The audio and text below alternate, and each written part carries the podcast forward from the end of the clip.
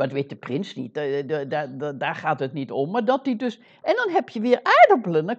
Je luistert naar Dag Nenne, de podcast waarin ik, Mo, in gesprek ga met mijn oma Nenne. Dus dan kunnen we gaan praten. We gaan nu praten. Wij gaan nu praten, het gaat nu beginnen. Dag Nenne. Dag. Ja, de, de podcast van een kleinzoon en zijn grootmoeder. En ik ga eventjes uitleggen waarom ik dat zo graag wilde doen. Omdat ik natuurlijk al 28 jaar in jouw leven ben.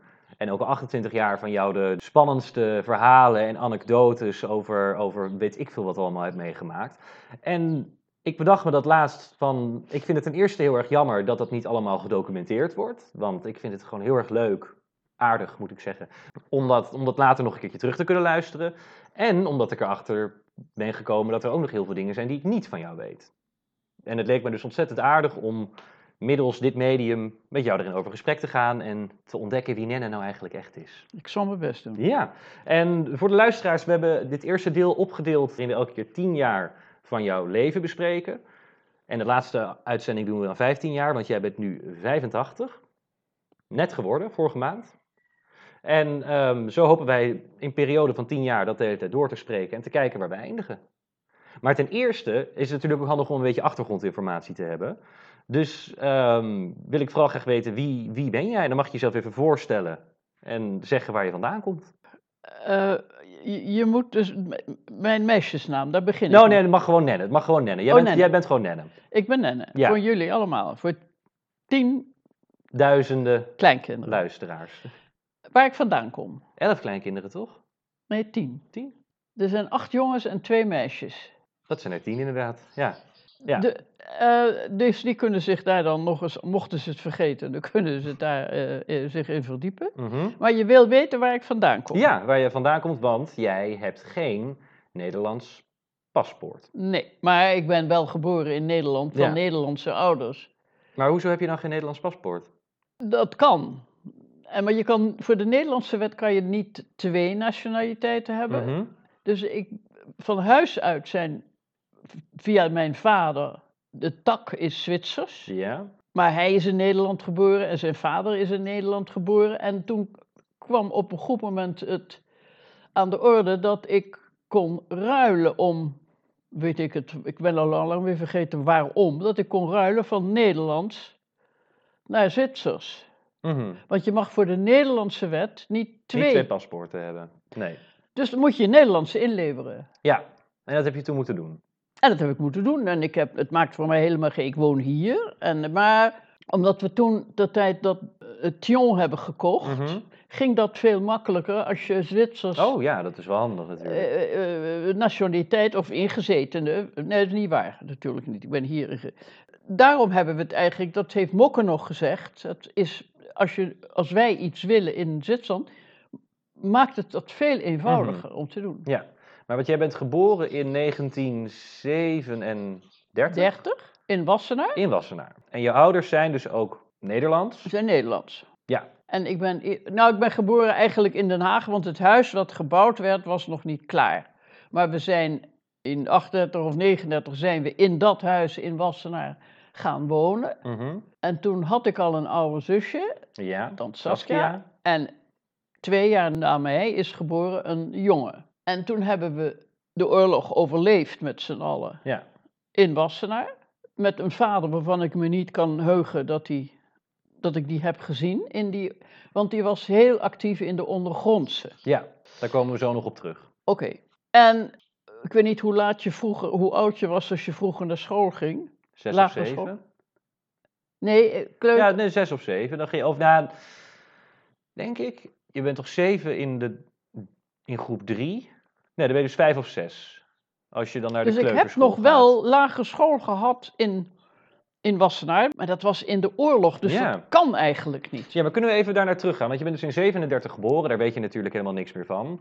En toen twee jaar nadat je bent geboren is de oorlog uitgebroken. En kan je je nog, moet je heel ver teruggraven, het eerste wat je je nog zou kunnen herinneren van de oorlog? Jawel, jazeker wel. Dat er, we hadden in huis een onderduiker. Mhm. Een Joodse onderduiker. Ja, En die heeft zich verdienstelijk gemaakt als zogenaamde knecht, huisknecht. Ja, Wat butler zou je in die tijden noemen. heel gewoon was. Maar die kon helemaal nooit op straat. En die moest ook vooral niet zeggen waar hij woonde. Als Mhm. die moffen ooit zijn- naar zijn legitimatie vroegen, als hij die al had. Maar Karel heeft heel voor on- veel voor ons gedaan in die tijd. Onder andere, er was geen stroom meer. Mhm. Je kreeg, ik geloof, in de middag kreeg je nog drie of vier uur stroom. Maar verder, er werden loodjes in het stoppenbord, laten we zeggen, werden loodjes gemonteerd. Dat je, nou, ik weet niet precies hoe het zat, maar je, je had maar zoveel uren stroom per dag. En dat was meestal smiddags dan? En de kaarsen waren ook op. Ja. Nou, hoe verlicht je je huis? Dus je kon niet lezen, je, je, je zag niks, dan ging je maar weer slapen. Want het was vroeg donker in de winter. Mhm. En als je me nou vraagt hoe komen we aan eten, dat alles was op de bon en er was een gaarkeuken. Mhm. En dan ging je dan eens in de En paar dan, ging je, dan moest je naartoe lopen.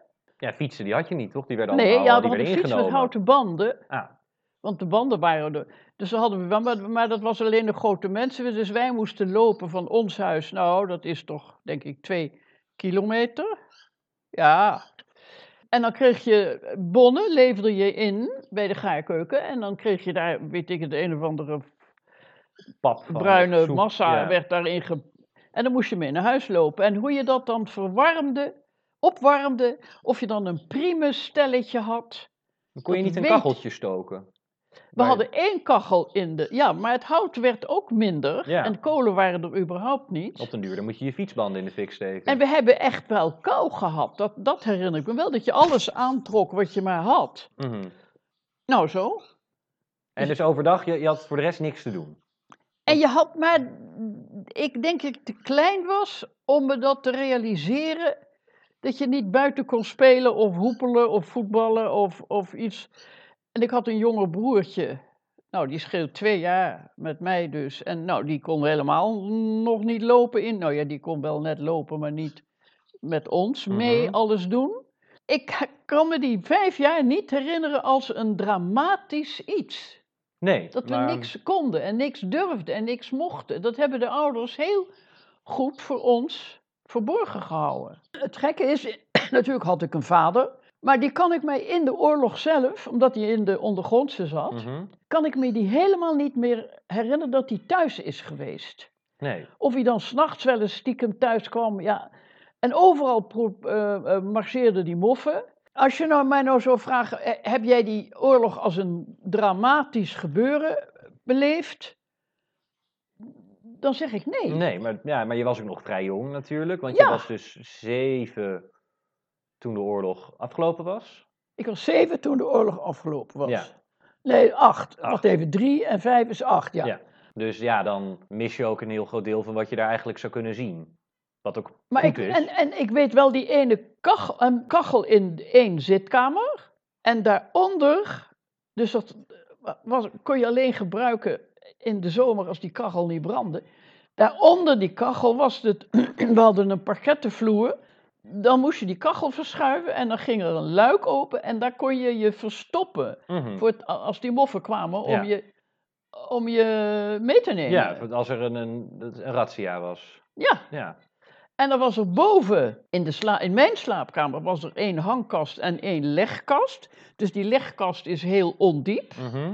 En als je daar e- ergens op drukte, nou, dat zo'n beetje à la Anne Frank, Ja? Dan ging dat eh, open en dan achter was ook een ruimte. Maar wanneer en hoeveel iemand daar verborgen heeft gezeten, dat is aan mij ontgaan. Ja. volledig voorbij gegaan. Dat heb ik niet geweten. Nee, misschien wel interessant voor de luisteraars om te weten. We willen graag het nog een keertje later in deze serie hebben over de oorlog. En dan het liefst ook met jouw zus, zuster, moet ik zeggen, tante Saskia erbij, Ja? toch? Ja. Dus we gaan Die het- weet veel meer. die weet is- veel meer, die was ouder. Ja, Ehm, dus dit komt nog een keertje uitgebreider terug op die oorlog. over de oorlog met nog wat meer verhalen Ja. erover. Maar je begon net over die knecht van jullie. Want daar is die, dat is een Joodse Karel. knecht, Karel. Ja, En, want jouw vader, dat was P. P. Nee, ja, pom. Pom, Pom. Ja, we hebben allemaal rare namen in de familie. Het is PP en Pom en Papoes en Nenne Pom. en Meme en Pom. En die zat dus in het verzet. En Ja. daar heeft hij heel veel voor gedaan. Heel veel. Ja. En die is- heb ik je ooit verteld van zijn decoratie? Nee? Veel later heeft prins Bernhard mij gevraagd, nee, mij verteld, dat hij in het leven heeft geroepen, hoe moet ik dat nou uitleggen? Mensen te belonen voor hun activiteit tegen de vijand Mhm. in de oorlog. Ja, En toen zei hij, een van de eerste waar ik aan dacht, was Pom. Was Pom, zei de prins Ja. tegen mij. Maar dat werd dan postuum natuurlijk, want dat heeft hij volgens mij helemaal niet, niet meer meegemaakt. Dat is jammer. Dat geloof ik, want hij is al heel lang geleden gestorven. Dat, zie je, dat moet ik opzoeken, want dat weet ik dus nee, niet. maar dat kunnen we een keertje later opzoeken. Heb je die decoratie nog ergens? Of weet je of die ergens ligt? Die moet ergens op het huis liggen waarschijnlijk. Of is die ermee begraven? Nou, dat, weet ik- dat zou- dat weet Tante Saskia Dat misschien. weet het Saskia. Nou, daar komen we later nog op terug. Komen we later Eh, op maar en Pom die had dus heel veel gedaan voor het verzet. Wat hij het moedigste wat ik vind wat hij gedaan heeft, en dat is iets uit een film. Mhm. Hij heeft, of hem is ter oren gekomen, dat er aardappelen op te halen waren, daar of daar in de buurt van waar wij woonden. Want er zijn al wel sloten waar je dan in kan roeien. Dat hij, daar, dat hij die aardappelen heeft kunnen halen. De aardappel, de rand van de boot stak nog zo. Hij zat op de aardappelen Ja. hij zonk net niet, die boot. En hij heeft geroeid een heel stuk naar een slootje achter ons huis. En dat was ook niet alleen voor ons, maar dat was voor alle Voor bekenden buurt, om ja. je heen. Dat hij onder een brug heeft doorgevaren, waar twee moffen stonden, midden in de nacht, in Mhm. het pikken donker. En dan moet je geen lawaai maken. Nee.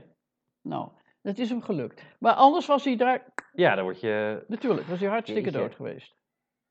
Dus dat vond ik ook alweer zo. Maar dat weet de prins niet, eh, da- da- da- daar gaat het niet om. Maar dat hij dus. En dan heb je weer aardappelen, dan kan je weer iets.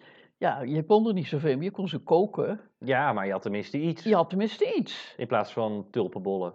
En, oh, en ik herinner me dat ik met mijn zuster moest brandnetels plukken. Ja, En er waren geen handschoenen meer, er waren alleen met gaten. En plastic handschoenen bestonden niet. Nou, ik kan je beloven dat het pijn doet. ja. En dan deden we dat heel luchtig in een, in een tas. Mhm. Dus even kijk eens. eh, En dan zei Papoes, die zei zut, en die drukte op die stapel. Bleef er niks van over. Nee, nee, dus ga nog maar even terug. Maar niet daar, want daar worden hondjes uitgelaten. Dus daar moet je het niet plukken. Hadden jullie honden tijdens de oorlog? Niet in de oorlog, nee. Nee. Nee, nee, Nee, dat is daarna. Ja, Oh, ja, ja. Daar komen we later op. Maar dus terug naar de eh, knecht. Ja? Heb ik je dat al verteld, dat die stroom heeft? Ja, daar, wilde, daar had je, daar had je het over, maar daar moeten we nog even op terugkomen inderdaad. Want hij had stroom geregeld, want jullie hadden maar vier uur per dag stroom. Ja, en aan de overkant bij ons woonden NSB'ers. Een man met ik weet niet hoeveel kinderen en een vrouw. Mhm. En dat wist iedereen, dat die hartstikke fout was. En daar, daar heeft hij s'nachts met een draadje heeft die stroom van dat huis via een boom naar boven, door die takken heen, weet ik allemaal niet hoe, naar beneden, zodat wij meer stroom, en dat vertelde Ton Saskia mij ook, dat je mocht natuurlijk niet zien dat wij ons Nee. huis verlicht hadden als een ander nog in het aarde donker zat. Ja, Maar dat heeft, onder andere Karel heeft dat bewerkstelligd. want mensen die bij de NSB zaten, die mochten wel nog Tuurlijk. gebruiken. Die mochten alles. Die hadden alles, en die hadden boter. En Ja? die hoefden geen tulpenbollen te eten. Tulpenbollen, dat Ja. herinner ik me ook. Jazeker. Was het lekker? Het was zoet. Zoet. Ja, het was zoet. En heel voedzaam, zeggen ze. Zeg je? Ze zeggen dat het heel voedzaam is. Oh, dat zal het wel Om- geweest Omdat er zijn. een hele tulp moet uitgroeien natuurlijk. Ja, oh, maar we hebben zeker tulpenbollen gegeten. En, en, en de- je probeerde die. Maar ja, je had geen boter, je had geen olie. Je kon Ja. niet zeggen, ik ga een tulppannenkoekje bakken in olie. Want dat Nee. had, je niet. Maar hoe werd het dan bereid? In, de, in een oven of rauw? Nou, over had je ook niet. Nee, nee, wel een pit, een gaspit. Mhm. Ja, wat je ermee Dan deed, koken. malen en dan een beetje zout. En ik, dat weet ik niet. Maar we hebben het wel gegeten. En Ja. het was een soort puree-achtig iets, maar een beetje zoeter. Pastinaak. Oh, pastinaak. Nou, Voilà. ben dol op Daar- pastinaak. Precies. Maar dus ja, tulpenbollen en Karel had de stroom afgetapt. En Karel heeft dus... En Karel kan ik me niet... Want ik vroeg nog, waar sliep die dan? Ja, in een kamertje, zei mijn tante Saskia dus. Maar dat kan ik me niet meer herinneren. En hoe die is vertrokken, of die is opgepakt of niet... Ook dat weet ik niet meer. Nee, want hij is na de oorlog als sneeuw voor de zon verdwenen, toch? Al, ja, ja, ja. En er is nog iets, vind ik, heel eh, maar dat weten we dus niet. En dat mag ik ook niet zeggen dat hij dat heeft gedaan. Heb ik jou verteld van dat damespistooltje? Nee? Nee? Waarom je in vredesnaam een damespistooltje in je tasje had? Nou ja, het idee. Maar dat was dan zo'n zo'n zilver parelmoer ingelegd. Zo'n klein ding, ik geloof je één keer pank kon zeggen en dan moest Dan je, moest je hem herlaten. hopen dat je hem, dat je hem had. en dat is begraven in een handdoek en in een schoenendoos, want plastic bestond niet, in een gat in de tuin. Mhm. Heeft mijn moeder met Karel gedaan. Want- En waarom had ze het begraven? Nou, want als er, als er huiszoekingen is Ja. en ze vinden een pistool, nou, dat is gewoon ook een reden om je mee te nemen. Ja. En veel later, na de oorlog, zegt iemand, "God, dat, ah, dat zijn we helemaal vergeten, dat ding. Nou, die schoenendoos die is er nog en die handdoek is er nog. En wat ligt erin? Een leger, roestig, eh, militair eh, pistool. En er, er was maar één iemand, ja, dus, eh, dus, Weten we niet. En dus Papoes die wist, nee, ja, jouw moeder wist dat dus, en Karel, waar dat lag. Ja, want eh, mijn vader was er niet, dus die heeft met Karel dat gedaan. Maar ze hebben ook een hele grote, ja, maar daar is nog wel een tuinman voor gekomen, geloof ik. Een vee, een loopgraaf. Want we hebben heel, we- oh ja, dat moet ik ook vertellen, dat wij Mhm. wel degelijk in die loopgraaf hebben gezeten. Dat is een 2 meter diep, nou ja, 1 meter 50 diep gat, in Ja. de, maar in de vorm van een V, van Victory. En er waren naast, je ging daarin en er lagen ernaast dennetakken. En die, Dekte het af. die dekten het af, dus je kon helemaal niet zien dat daar iemand met een rood jasje zat, of eh, wat dan ook, als je dat al kan zien. En eh, daar hebben we, heb ik ook, ik ben nog wel één keer sidderend in gezeten, maar dat was, de lucht zag zwart van de vliegtuigen, maar dat waren de geallieerden. Mhm. En helemaal niet de, De Duitsers. de Duitsers. Waarom had je die loopgraven? Nou, er werd bij ons in Wassenaar op de hoek van de Hazelaan en de volgende Jagerslaan, geloof ik, werd dat ding afgeschoten. Werd wat afgeschoten? Een V1 En of dat, V2 en dat is een, raket. een raket. en, en dat weet ik nog wel, vond ik heel eng, want ik, ze kwamen wel eens een keer terug. Mhm. Dan gingen ze en dan, poef, dan ging het niet, had hij niet genoeg kracht, of Ja. ik weet niet wat. Het is lang nog niet zo geavanceerd als tegenwoordig natuurlijk. En dan kwamen ze terug. Werden ze teruggeblazen? Op aarde, op oh, waar ja? ze afgeschoten zijn. Nou ja, berg je dan maar. Ja, oké, dus dan... Ja, dan dus moet je in een loopgraaf. als de En dan raketten... hopen dat hij niet daar opkomt. Ja, en als de raketten vlogen, dan moest je de loopgraaf in. Ja, maar ik weet niet of je daar een waarschuwing... Dat weet Nou. ik dus allemaal niet. Maar we kwamen op die loopgraven omdat je het had over de tuinman. Die heeft dus na de oorlog die loopgraven waarschijnlijk dan weer dicht gegooid. Dat denk ik. En die heeft dus mogelijkerwijs ook het verborgen pistool Nee, maar die heeft daar geen weet van. Oké, ja. Ja, nou ja, het kan de tuinman zijn, het kan iedereen. Het, ik weet niet, ik durf niet. Een vinger te wijzen. Nee, Nee, nee, nee. Maar Want- die, het was wel weg. Ja. En dat is een rotstreek. En toen is dus Karel daarna... En toen is Ka- of misschien was hij al weg. Dat weet ik dus niet. Ik weet niet wanneer Ka en waar hij naartoe is, maar hij heeft het, hij heeft het overleefd, Mhm. de oorlog. Ik weet ook niet hoe Karel bij ons kwam. Ik weet nog wel dat mijn moeder op houten banden reed naar Warmond. Mhm. Nou, dat is een behoorlijk stukje van Wassenaar naar Warmond. Want er was een winkel en die verkocht ketchup. Oh. Nou jij. Nou, mam heeft speciaal vandaag ketchup gekocht omdat ik thuis zou komen. Want Anders dan eet ik mijn tosti niet. Nou, Dus die, eh, ja, nee, ik, ik kan je moeder heel goed begrijpen dat hij speciaal dus die voor heeft ketchup... ketchup en, en, en op houten banden. Ja. En dan ga je niet hard, kan ik je verklappen. Nee, en het zit ook niet lekker. En de- om een flesje, en misschien nog meer, maar onder andere die ket, dat kan ik me nou wel herinneren. Ketchup. Die was blij dat je wat te eten had. Mhm. Had je veel honger? Nou, ook dat kan ik me niet heugen. Dus dat denk ik niet, dat ik met een, een rammelende buik naar bed ben gegaan. Dat er altijd toch wel iets ergens nog te krijgen was. Ik zou niet weten wat wij hebben moeten eten eigenlijk. Ik wil wel eindeloze meelpappen en zo. En dingen waarvan je denkt, ja. Nou, maar je wist ook niet veel beter.